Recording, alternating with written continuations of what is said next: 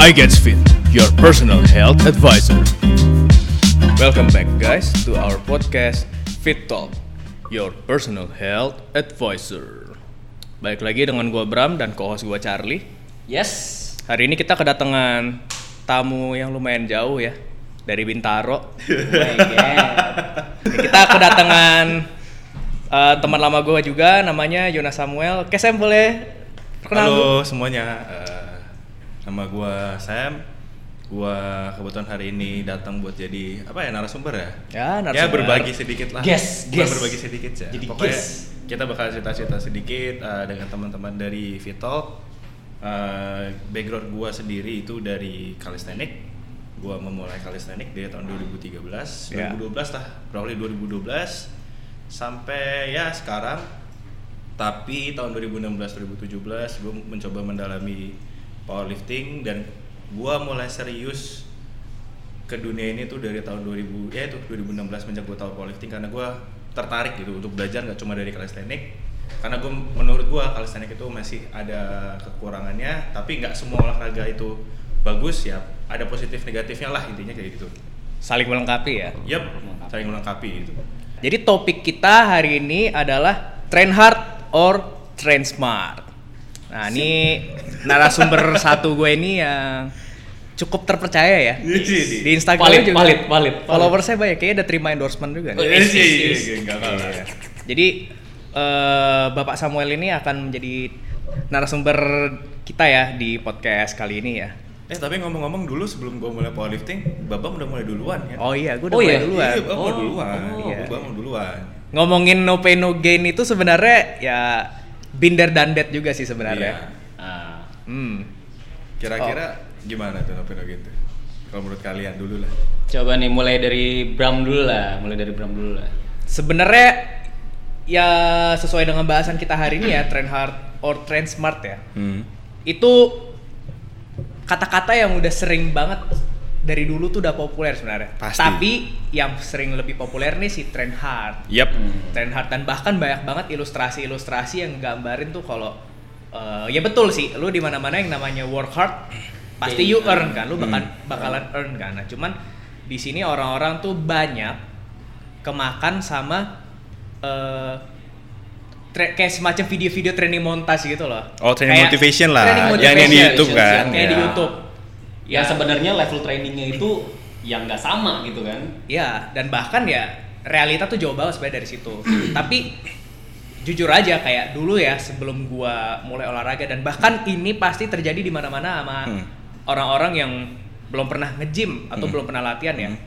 Mereka kayak ngerasa mungkin oh fisik gua nggak oke, Hmm. oh gua nggak kuat, oh gua dibully nih sama teman-teman gua gara-gara gua lemah. Yap. Pasti awal mulanya hampir mirip-mirip kayak ah, seorang karakter yang Yeah. jadi underdog lah. Pasti Yeah. dia Yeah. buka Pasti, pasti. dia buka Benar, YouTube benar. atau mungkin dia nonton TV kayak tentang perjalanan seorang atlet dan macam-macam. Ya.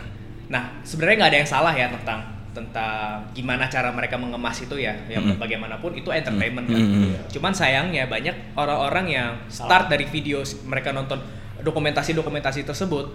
Mereka nggak merat mereka tuh nggak ngelihat ke belakang perjalanan seorang ini nih bisa jadi jadi kuat ya. Bahkan ini Ya. bukan hanya kita ngomongin soal fitness, ini Hmm. juga kesuksesan seorang Hmm. tuh mungkin terlihatnya dikemas secara simpel gitu Oke. loh.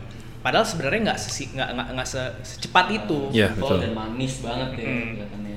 Itu yang namanya seseorang underdog ya. Terus dia ngelawan orang yang mungkin udah berlatih selama 10 tahun, 20 tahun dan tahu-tahu dia menang. Wah, itu pure fantasy sih menurut Yes. gua. Itu pure fantasy. Itu menurut lo ya. Mm-mm. Mungkin kalau ada pun ya mungkin dia ya mungkin gifted ya, Ya, mungkin gifted. Tapi ya balik lagi sih tentang si topik si train hard or work hard ini ya. Ya. Itu memang udah dari dulu tuh Hmm. bahkan mungkin dari tanpa kita sadarin dari orang tua kita sendiri pun selalu ngomong kayak kamu tuh nanti harus kerja keras buat biar nanti tuh eh, Ke depannya kamu sukses. Iya, dan dewasa Kamu dan sama sukses. memetik kesuksesan Hmm. nanti. Nah kalau di dia fitnessnya ini sendiri banyak banget sih yang udah ke abuse ya sama si work hard itu ya. Karena mereka udah kemakan dengan kata-kata yang namanya train hard or work hard itu mereka jadi banyak tuh yang latihan ya dipentingin cuma ya udah work hardnya aja. Mereka nggak pentingin gimana formnya gimana sih hasilnya atau Yep. gimana sih proper Yep. trainingnya. Ya mereka pikirin tuh oh I work hard for this. Pasti gue dapat sesuatu kok. Betul dapat sesuatu cuman kita harus ingat lagi yang namanya lu latihan itu ya pasti ada yang namanya resiko cedera bahkan sebenarnya ketika lu udah mau latihan pun ya lu tanpa lu sadarin lu udah tanda tangan Yes, betul. gue bakal cedera Ya, sudah harus menyiapkan diri. Hmm. Hmm. Kalau dari lu gimana sih kira-kira? Ah, gini. Eh, kita membahas tentang realita train hard, no pain no gain tersebut. Hmm. Eh, itu kan sebenarnya kalau dilihat no pain no gain train hard itu berangkat dari scene bodybuilding. Berarti bukan berarti scene bodybuilding itu salah. Oh, Karena oke, gini. Betul, betul. Eh, gua coba baca tentang beberapa buku. Contohnya kayak eh, Mountain Dog tahu? Ya, Mountain Dog. Tahu kan si Ya. Mountain Dog siapa? Dia eh, bukan pionir bodybuilding sih Ya. tapi dia itu eh, Icon lah. Icon lah. Ya si si Mountain Dog sendiri eh, dia itu gini. eh, di salah satu program latihannya ada dia itu kayak eh, low volume, Hmm. high intensity. Itu RPI-nya bisa sampai lebih dari 10. oh iya. Which is eh, 11 sampai 13 RPI-nya. Super Saiyan. Ya, itu kayak tujuannya itu sebenarnya buat supra maksimal pump gitu loh. Ah, Jadi iya. kalau mau dibilang train hard, train hard itu sendiri kalau misalkan dalam goals dan tujuannya, kalau misalkan dia goalsnya ke bodybuilding, mungkin itu bisa benar, Oh, mungkin bisa works ya. mungkin bisa works, tapi nggak semua orang bisa uh, resist CNS-nya dengan program tersebut gitu loh. Benar. Ada beberapa orang yang uh, memang bisa buat work dalam kapasitas yang tinggi bahkan sampai RPI 13 dan itu programnya selama enam minggu. Itu beneran beneran train hard banget. Beneran kayak wah lu failure failure failure sampai mechanical failure. Jadi literally misalkan lu habis eh di situ tuh ada kayak programnya leg press. Let's say leg Oke, press. leg press. set. Misalkan lu udah bisa kayaknya udah RPI lu udah 10 nih set tetap lagi ditambah sampai kayak bener-bener lu bener-bener ah gila Sampai dan itu se- sampai untuk tahap seperti itu ada namanya uh, build, build up set. Jadi biasanya jangan sampai failure, jangan sampai failure. Nah itu tuh cuma ada dua atau tiga set yang bener-bener maksimal lu train hardnya di situ gitu loh. Jadi bener-bener kayak tujuannya buat supra maksimal pump gitu. Jadi kalau bahkan dibilang no pain no gain itu bener apa salah, ada benar ada enggaknya juga tergantung tujuannya. case, ya. ya, untuk beberapa case tergantung tujuannya dari Ya. masing-masing gitu. Ada orang yang yang cocok ada yang enggak. Kalau misalkan ngomong realita lagi untuk train hard uh, no pain no gain itu diaplikasikan kayak contohnya ke powerlifting, uh, Olympic weightlifting atau bahkan ke calisthenic. Menurut gua nggak akan nggak akan bisa gitu. Karena kan ini kayak skill work. Kayak lu snatch itu skill, SBD juga skill, muscle up skill dan bahkan kayak floor lever skill gitu segala macam. Kalau di uh, di kita maksimalin sampai ibaratnya RPI kayak misalkan lu maksimum lah. maksimum banget bener-bener kayak misalkan sampai 20 set, 30 set. nggak akan bisa gitu. Karena yang berhubungan dengan skill CNS lu kan harus di-maintain dalam seminggu. Lu bisa nggak meminimalisir fatigue gitu. Kayak range yang paling aman kan RPI antara RPI berapa Bam yang bisa lu tahu? Maksimum I- i- 8 lah paling oke lah ya kan. 8 paling oke. Nah, tapi kalau misalnya kita latihan skill di Olympic weightlifting atau di powerlifting dan di calisthenics kita maksimalin kayak gitu. Hari Senin kita maksimalin mungkin hari Selasa uh, hari training kita empat hari hari Senin Selasa Kamis Jumat gitu misalkan Oke. hari Senin udah dimaksimalin dar dar dar dar train hard train hard train hard train hard kelar hari Selasa Kamis Jumat kita nggak akan bisa perform semaksimal mungkin gitu Hmm. Dan yang pernah gue baca juga uh, ini dari Juggernaut Training System. Juggernaut, karena oke. sorry sorry. Dari Juggernaut Training System. Dan gue lihat beberapa uh, kayak GPS Education gitu-gitu. Mereka itu uh, ya pasti kan ada spesial specificity sama individualis program gitu kan. Jadi ternyata yang pernah gue baca orang semakin dia bertambah umur semakin dia besar atau enggak semakin level fitness terus habis itu fatigue management ya lu tau lah faktor-faktor yang mempengaruhi pola latihan yang bagus itu. Itu ternyata sangat mempengaruhi. Bahkan ternyata semakin berat seseorang semakin besar masa ototnya itu akan semakin sulit untuk recover. Ya. karena semakin baik masa otot kan eh, jadi butuh waktu yang lama untuk Ya recover kan. recover. Sedangkan orang yang punya berat badan yang lebih enteng dengan masa otot yang nggak terlalu besar dia akan recover sangat cepat dan dia bisa melakukan frekuensi latihan yang sangat Tinggi. ibaratnya sering gitu loh. Sering, sorry. Kayak gitu. Jadi kalau misalkan baik lagi ke konteks realita Reinhardt atau Novenogen itu bener apa enggak tergantung baik lagi tergantung tujuan gitu. Betul. Kalau misalnya bodybuilding it works but in some cases sometimes uh, beberapa orang ada yang beneran bisa resist sama volume yang gila yang train to itu ada yang enggak sama juga ada kayak misalkan yang kita tadi yang based on RPI lah RIR yang train hard tapi train Ya. smart itu ada yang uh, berhasil juga cocok-cocokan lah ibaratnya gitu Hmm. Iya. menurut gue sih kayak gitu gitu loh Berarti balik lagi kalau bisa gue bilang ya tergantung dari program latihan ya. Program Ya. latihannya dia mau itu mau muscle build ya kayak bodybuilding ataupun si apa namanya kayak powerlifter itu beda. Ya, muscle muscle build-nya pun yang gue baca juga dari Juggernaut dan GPS yang kemarin gue datang eh, sertifikasi seminarnya waktu di Oke. Bali, dia pun eh, menjelaskan gitu di situ how to train hard but smart itu ada kayak range-nya, range dari berapa set otot eh, dalam seminggu tuh harus berapa kali jumlah set yang harus di hit gitu loh. Oh, Oke. Uh, ada ada minimum efektif volume sama yang beneran maksimum banget volume yang bisa uh, diambil sama seorang supaya dia recover untuk workout atau training minggu depannya. Hmm. Itu tuh range uh, volumenya tuh minimal dalam seminggu tuh 8 maksimum yang orang bisa tolerate ke badan mereka tuh 20 gitu. 20. Oke. Ah, Kayak itu gitu. perlu di take notes tuh guys. Nah, ini kalau kalian pengen lebih tahu lagi itu kalian bisa akses di GPS Education.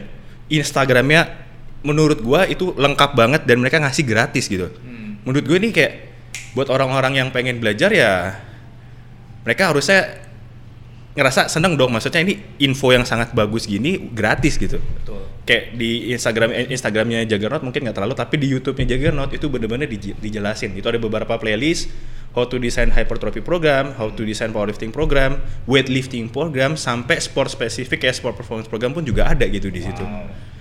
Kayak Wah, gitu gitu. Keren keren keren. Itu kalau lu pengen train hard or train smart gitu. Kalau Train hard dan train train hard but smart, sorry. Kalau dari lu sendiri gimana Car? Kalau gue ya, Hmm. kalau gue jujur, gue pertama kali latihan karena gue emang basicnya gue nggak ada ilmu olahraga apa pun ya biasa namanya dari pas masih umur umur muda ya sekarang juga masih belum tua tua banget sih cuma maksudnya waktu di saat gue mengenal kayak olahraga olahraga eh, angkat beban itu kan gue kan dari umur masih belasan ya 18 atau 19 gitu gue mulai Nah itu tuh ya gue taunya tadi balik lagi yang dibilang sama si Bram. Ya how to achieve something ya gue harus work for it dan gue harus kerja keras gitu loh. Jadi ya gue masih menerapkan ya uh, train hard or go home lah kayak gitu lah. Go hard or go Ya. home gitu ya. jadi kayak itu masih banget terjadi lah pada saat dulu gue latihan-latihan awal. Itu tuh jadi kayak gue masih kayak bertanya-tanya kayak setiap kali gue latihan kok gue setiap kali latihan kok eh, bahu gue sakit ya, Ya. Eh, ini gue sakit ya, Ya. yang sebenarnya tuh itu udah memenuhi dari kapasitasnya latihan gue gitu loh. Dan juga gue nggak ada restnya. Yang gue model latihannya tuh yang kayak nggak terprogram dan bener-bener kayak misalkan hari ini main chess besoknya main chess lagi gitu loh. Bener-bener nggak terprogram lah. Itu yang ngebuat gue tuh jadi kayak mulai pelan-pelan itu kayak gue mulai belajar kayak wah kayaknya metode kayak train hard or go home kayak gini nih atau latihan ampe abis kayak gitu tuh kayaknya gue nggak bisa kayak gitu. Bukannya masalah tentang kayak gue ini uh, pusi atau kayak kayak kayak nggak bisa nahan painnya atau gimana. Cuma setelah gue jalanin kayak istilahnya lu kan hidup nggak kayak cuma olahraga doang kan maksud gue Iya. lu olahraga untuk bisa memaintain kehidupan lu sehari-hari membantu betul. pekerjaan lu sehari-hari gitu loh. Kecuali lu atlet yang kerjain Nah, cuma latihan dan tidur doang. kecuali atlet. Kalau misalkan tujuan lu itu kayak masih memaintain kehidupan sehari-hari, ya kalau gitu ya lu juga coba untuk bisa memaintain olahraga tersebut agar tidak melebihi dari kapasitas yang seharusnya. Jadi Yes. benar-benar efektif buat keseharian lu. Yes. Setelah kayak gue dipertemukan sama ya contohnya kayak Sam dan juga dengan Bram juga ya nambah lah ilmunya lah jadi kayak gue gimana sekarang tuh untuk bisa memaintain latihan gue dan juga gue tetap bisa nge-progressing at the same time gitu loh Yes. jadi tuh eh, no pain no gain itu nggak salah. Itu bener-bener kayak jadi kunci awal gua di mana gua itu bisa sampai sekarang.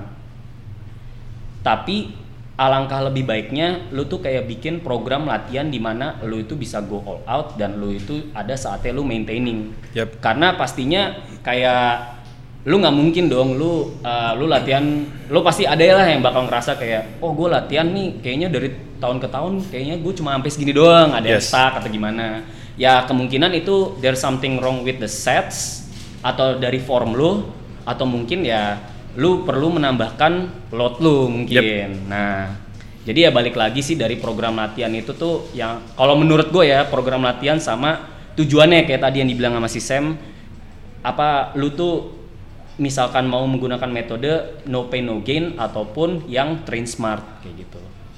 Oke. gue sih gitu. Oke, eh, bahasan kita tentang tryhard udah banyak juga tadi ya. Hmm. Jadi tadi udah banyak kesimpulannya nih tentang tryhard. Ada dari versi gua, ada dari versi Sam dan ada juga dari versi Charlie. Nah, tryhardnya kan udah selesai nih. Hmm. Kalau menurut lu Sam, Hmm. apa sih yang paling signifikan yang membedakan antara train hard dan train smart? Signifikan antara train hard dan train smart. Hmm. Gini deh, eh, kita kan sebelum training pasti ada periodization. Betul, periodization. Nah, periodization itu sendiri apa? Bener kan? Iya. Kalau menurut lo apa periodization? Periodization simpelnya, bahasa simpelnya adalah planning latihan lu, let's say 4 minggu atau sampai eh, 12 weeks ahead gitu kan. Hmm. Nah, kebanyakan kayak orang yang gua perhatikan dengan train hard rata-rata they do ran- random set. Hmm. Kalau yang benar kayak yang gue bilang tadi kayak si Mountain Dog eh, lakukan, Mhm. Dia train hard memang train hard, tapi dia ada uh, block periodization selama 6 minggu. Hmm. Karena intensitinya udah sangat gila selama 6 minggu di cut tek. Habis itu di load baru mulai lagi. Tapi kadang ada orang yang menyalahgunakan menyalahartikan train hard itu, dia kayak bener-bener train hard every day. Hmm. Like they do uh, 500 push up, kayak misalkan 50 push up 30 set, Hmm. or they do like uh, pull, nambah pull up uh, 10 reps dalam satu hari nih, dalam satu Hmm, hari kayak volume yang harusnya dibagi dalam dipecah dalam seminggu sama mereka itu kayak Oh, dihabisin dalam satu hari gitu yang dihantam. membedakan gitu kan. Oh, yang bilang oke. kalau lu train smart lu ada block periodization dalam seminggu lu udah tahu tadi gue bilang berapa setnya berapa repsnya berapa loadnya berapa intensitinya berapa. Kalau misalkan itu benar ya lu akan terlalu progress progress progress progress gitu. Kalau dalam satu hari langsung lu train hard dar habis lima 5000 dips 5000 pull up lu recover akan lama men gitu kan. Karena yang badan lu itu berdasarkan saintifiknya itu sendiri eh, badan itu kan kayak gue bilang tadi 20 set itu udah paling maksimal gitu. Ya mungkin in some cases kayak orang yang bener-bener eh, outlier lah. Ibaratnya outlier, outlier itu kayak satu dari dibanding 100 kayak atau berapa gitu mungkin Gifted. bisa. Gifted. Oke kita sebut aja contoh kayak VJ Hmm. teman kita yang dari lama dia salah satu orang yang gila eh, trainingnya bagus eh, dia bisa kayak latihan handstand push up 10 kali 10 100 100 reps. Bisa ibaratnya pull up 30 reps 10 set 40 reps berapa lah kayak gila-gila ya memang karena dia gifted gitu loh. Dia outlier. Apakah semua orang bisa kayak gitu? Tentu belum. Apakah training program dari suatu atlet itu bisa kita copy? Belum kayak yang tadi Babam bilang. Levelnya VJ mungkin level udah level 100 kayak di Pokemon udah level 100 Iya. terus ada orang yang lihat ke VJ dia pengen dia pengen kayak VJ gitu. Baru dia level level baru level 5 20 misalkan. Let's say level 20 atau atau bahkan dia baru 50 gitu. Sayang sih ya di in real life kita nggak bisa minta GB. nggak nggak bisa nggak bisa. Nggak bisa nge-cheat. Nah, kayak gitu terus kita coba ngikutin rutinnya VJ, mungkin bisa kita bisa setengahnya, tapi apakah itu akan works untuk jangka panjang ke depan? Belum tentu gitu. Nah, itu yang membedakan gitu, work, uh, train hard atau train smart gitu. Dalam satu hari lu geber dar atau lu bagi volumenya dalam seminggu. Kayak misalkan Senin lu apa upper lower upper lower kayak gitu-gitu atau enggak kayak hands, uh, handstand for lever plunge lu bagi-bagi bisa gitu loh. Jadi nggak yang yang harus dalam satu hari lu habisin gitu dan lu menganggap kadang orang gini kenapa orang kecanduan dengan train hard karena mereka merasa kalau badannya mereka sore atau enggak kalau badannya kayak anjing gue kayak capek banget gak Nah, bisa ini- gerak itu menandakan That's itu working efektif ya, gitu loh working. Enggak, nggak bisa gitu loh. Nggak bisa kayak gitu gitu. Yang perlu di yang perlu diketahui juga kayak Babam kan udah ngambil CFT, udah bentar lagi Charlie kan Amin. ngambil CFT. Oh ya dari Apki itu Certified Fitness Trainer. Uh, shout out to Apki. Uh, dia bikin salah satu uh, apa? Kalau misalnya kita latihan yang capek nggak cuma CNS, tapi ada peripheral, peripheral central nervous, eh, nervous system juga gitu. Jadi nggak cuma CNS yang capek, tapi kayak sebagian baik peripheral tuh kayak contohnya yang capek kayak cuma sebagian badan lu aja, salah satu anggota badan kayak misalkan bicep atau apa gitu gitu loh. Itu juga akan capek gitu loh. Kalau digeber terus gitu. Nah kan train smart itu sebisa mungkin kita meminimalisir fatigue supaya kita bisa progres yang lebih maksimum gitu. Kayak gitu. Bahkan eh, untuk seorang atlet dari cabang olahraga yang ini eh, gua dapat cerita dari temen gue yang anak kettlebell. Dia bahkan ada Sebut ya, nama dong. ya sebut aja namanya lah pendekar kettlebell. Oh, Redo, Redo, Redo, Redo, semua. Redo. Shout out ya, shout out ya. Shout out. Bahkan seorang eh, practitioner kettlebell pun Yang endurance ya berarti. endurance eh, meskipun ya mereka train ya targetnya untuk Iya. ke kettlebell kan spesifik Hmm, seperti itu ya mereka pun ada periodization loh jadi Iya. mungkin berapa minggu atau mungkin berapa bulan latihan di kettlebell yang mungkin ngelakuin long cycle Hmm. atau macam-macam tapi nanti ada juga mereka periodization yang bener-bener latihan itu nggak ada kettlebell sama sekali Oh iya iya, iya. Iya. Gue biasa lihat si Idam ya kebetulan. ya Ida. Ya, Idam. mungkin mereka malah nanti ngelakuinnya bisa latihannya Olympic weightlifting Ah. atau mungkin bisa ngelakuin agility drills Ah iya betul. Atau- atau mungkin juga bisa ke bodybuilding Ya. Dan bahkan kayak anak-anak powerlifter gue lihat yang di luar pun ya yang udah mereka udah, udah main ke IPF Ah iya iya. contoh lah kayak misalnya mungkin si Russ Wall atau mungkin si Shane Origa. Shane Origa. mereka bah- U83 monster. ya bahkan eh, mereka pun sebenarnya di Instagram nggak terlalu rutin ngeposting kayak mereka tuh latihannya kayak bodybuilding Hmm. Sebenarnya ya off season mereka pun juga atau mungkin periodization mereka yang pas lagi nggak latihan ke powerlifting ya mereka latihannya juga hypertrophy ke bodybuilding Yes, Ya. yes. dan itu tuh masih di sini anak-anak ngeliatnya kayak lu ngapain latihan yang Yes. bukan bukan Ah, cabang ya, lu gitu cabang. Kayak Bukan jadinya fanatik gitu. Sebenarnya Fanatik. enggak. Oh, gue boleh nambahin sedikit. ya silakan Eh, kebetulan karena ngebahas Noriga, eh, kebetulan gua juga dulu waktu mulai-mulai powerlifting, gua juga ngeliat dia Hmm. si Noriga ini dan gua denger salah satu performance dia di Compound Performance. Kalau cari di Spotify ada Compound Performance, Spotify-nya Noriga.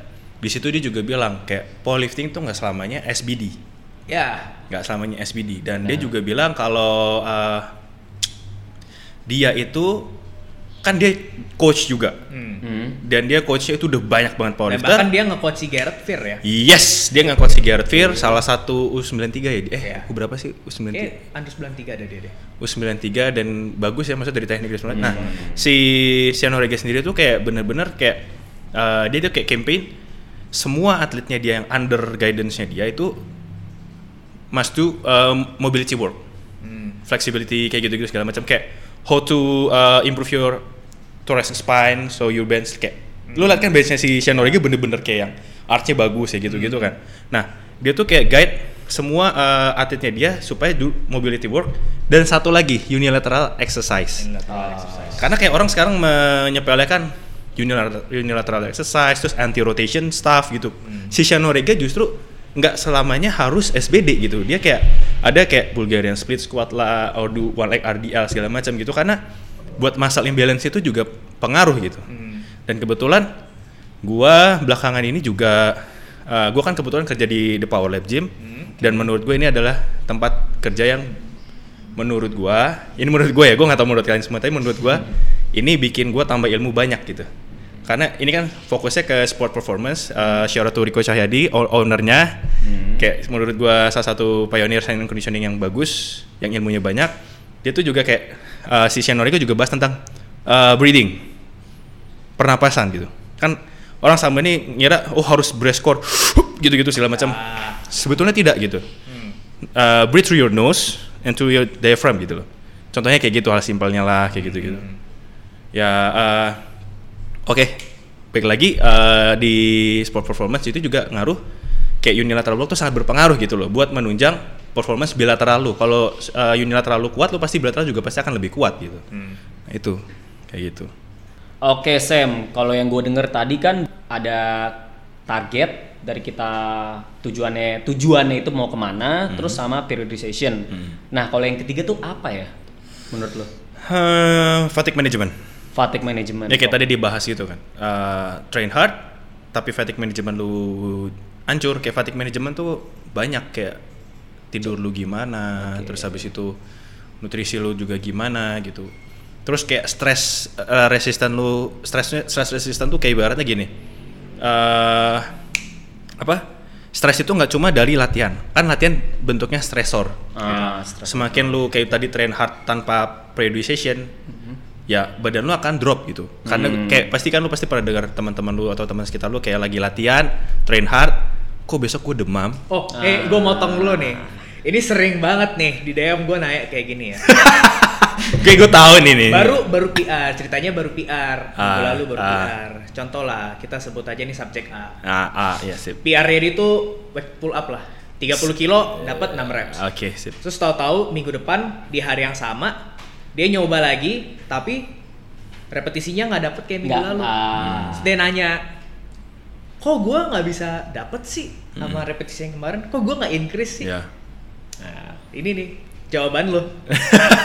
iya gitu loh Hmm. kayak stress manajemennya gimana dulu gitu stress manajemennya dia gimana tidurnya tuh ngaruh loh tidur itu sangat paling ngaruh ke performance latihan lu kalau cuma tidur 4-5 jam dan lu begadang kayak gitu pasti akan ngaruh berdampak ke eh, hari itu lu bakal latihan apa Bakal. gitu misalkan lu Hmm. tidur cuma 4-5 jam terus habis itu lu latihan let's say deadlift 90% tiga kali tiga yang harusnya sehari itu 90% belum tentu bisa 90% gitu. Iya, benar. Mau lu pakai pre workout kayak gimana pun speednya, RPI-nya atau RIR-nya tuh nggak akan harusnya RPI berapa, harusnya kok anjing gue udah max out banget nih gitu, baru set satu Hmm, gitu. Benar banget. Terus kayak nutrisi juga pengaruh, makronutrien lu berapa. Kayak lu latihan seminggu misalkan lima kali, tapi makro lu kalori ada orang berat 70 kilo, latihan seminggu lima kali, eh kalori cuma 2200.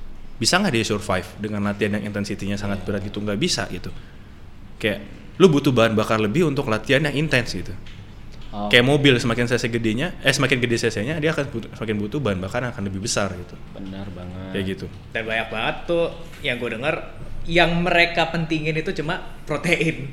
Nope. Nah, Mereka cuma protein kali protein. kali dua kali dua berat Iya. badan. Kalorinya Carbs tapi nggak Ka- dapet. carbs penting. Nah. Ya. Kalori apa kalori yang nggak dapet juga terus mungkin juga fiber yang nggak dapet, Iya. mikronutrients yang lainnya nggak tercukupi ya. Itu dia.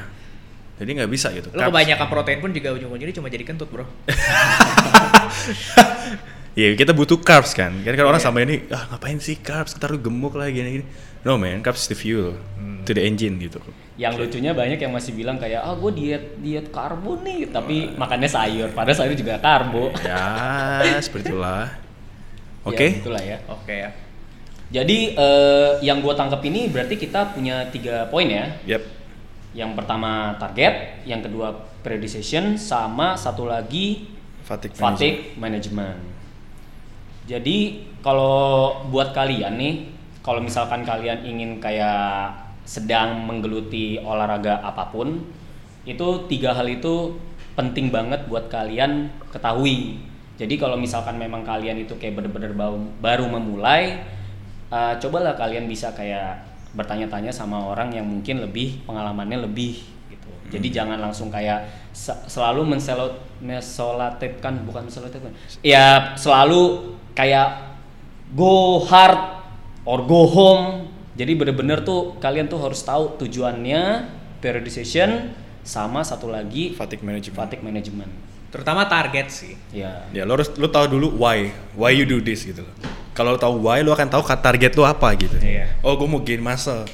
Gimana caranya? Breakdown, periodization. Iya. Breakdown lagi fatigue manajemennya apa aja gitu kayak kalori kalorinya cukup kah, stress manajemennya cukup kah? Yang gue bilang tadi stres nggak cuma stres sendiri, tapi kalau misalkan lo lagi diputusin pacar lo atau misalkan Ya itu ngaruh ya. Itu ngaruh. banget. Enggak itu ngaruh. Curhat. Enggak, jujur itu akan ngaruh banget. Kalau gue sih akhir bulan sih. Oh Ya, iya. akhir- akhir Kayaknya itu bulan, emang ya. masalah semua orang ya. Kortisol Iya. gue naik. Iya. itu bakal ngaruh semua kayak gitu. Apalagi di lagi lagi kayak saat-saat kayak gini ya. Oh iya Nah, nih. ini Ya. Bukan Lagi corona nih. Ini bukan situasi yang mudah sih ya. Ini nggak bisa diprediksi soalnya. Iya, ini nggak bisa diprediksi. Dan mungkin gua ada saran buat teman-teman yang mungkin sekarang lagi kalori defisit. Ah, ya iya. kalau mau tetap Ah. dilanjutin nggak apa-apa, tapi jangan terlalu ngebet dulu dah. Ya. Kalori defisit, kalori defisit tapi disesuaikan sama exercise-nya. Jangan terlalu berat. Kalau lagi kondisi kayak gini karena Nah, kita kalau lagi kondisi kayak gini. Tetap olahraga, it's okay, cuma disesuaikan dengan kalorinya. Misalkan emang lagi defisit, ya berarti olahraganya juga jangan keterlaluan. Yes. Tahu diri. Hmm. Tuh. Oke, kayaknya udah untuk podcast yang sekarang ini udah cukup dulu ya. Cukup aja. Nanti lanjut lagi nih kita Nanti ngobrol-ngobrol. lanjut lagi nih ya. Oke, siap. Sabi. Oke, thank you guys yang udah dengerin dari awal sampai akhir. Thank you juga buat Sam yang Oke. udah jauh-jauh datang. Sering-sering datang ke sini Sam ya. Oke, sip. Thank you banget Sam. Hmm. Oke, itu aja dari podcast kita yang keempat tentang Train Hard dan Train Smart. Bye bye guys. Oke, Bye-bye. bye. See you soon. I Get Fit, your personal health advisor.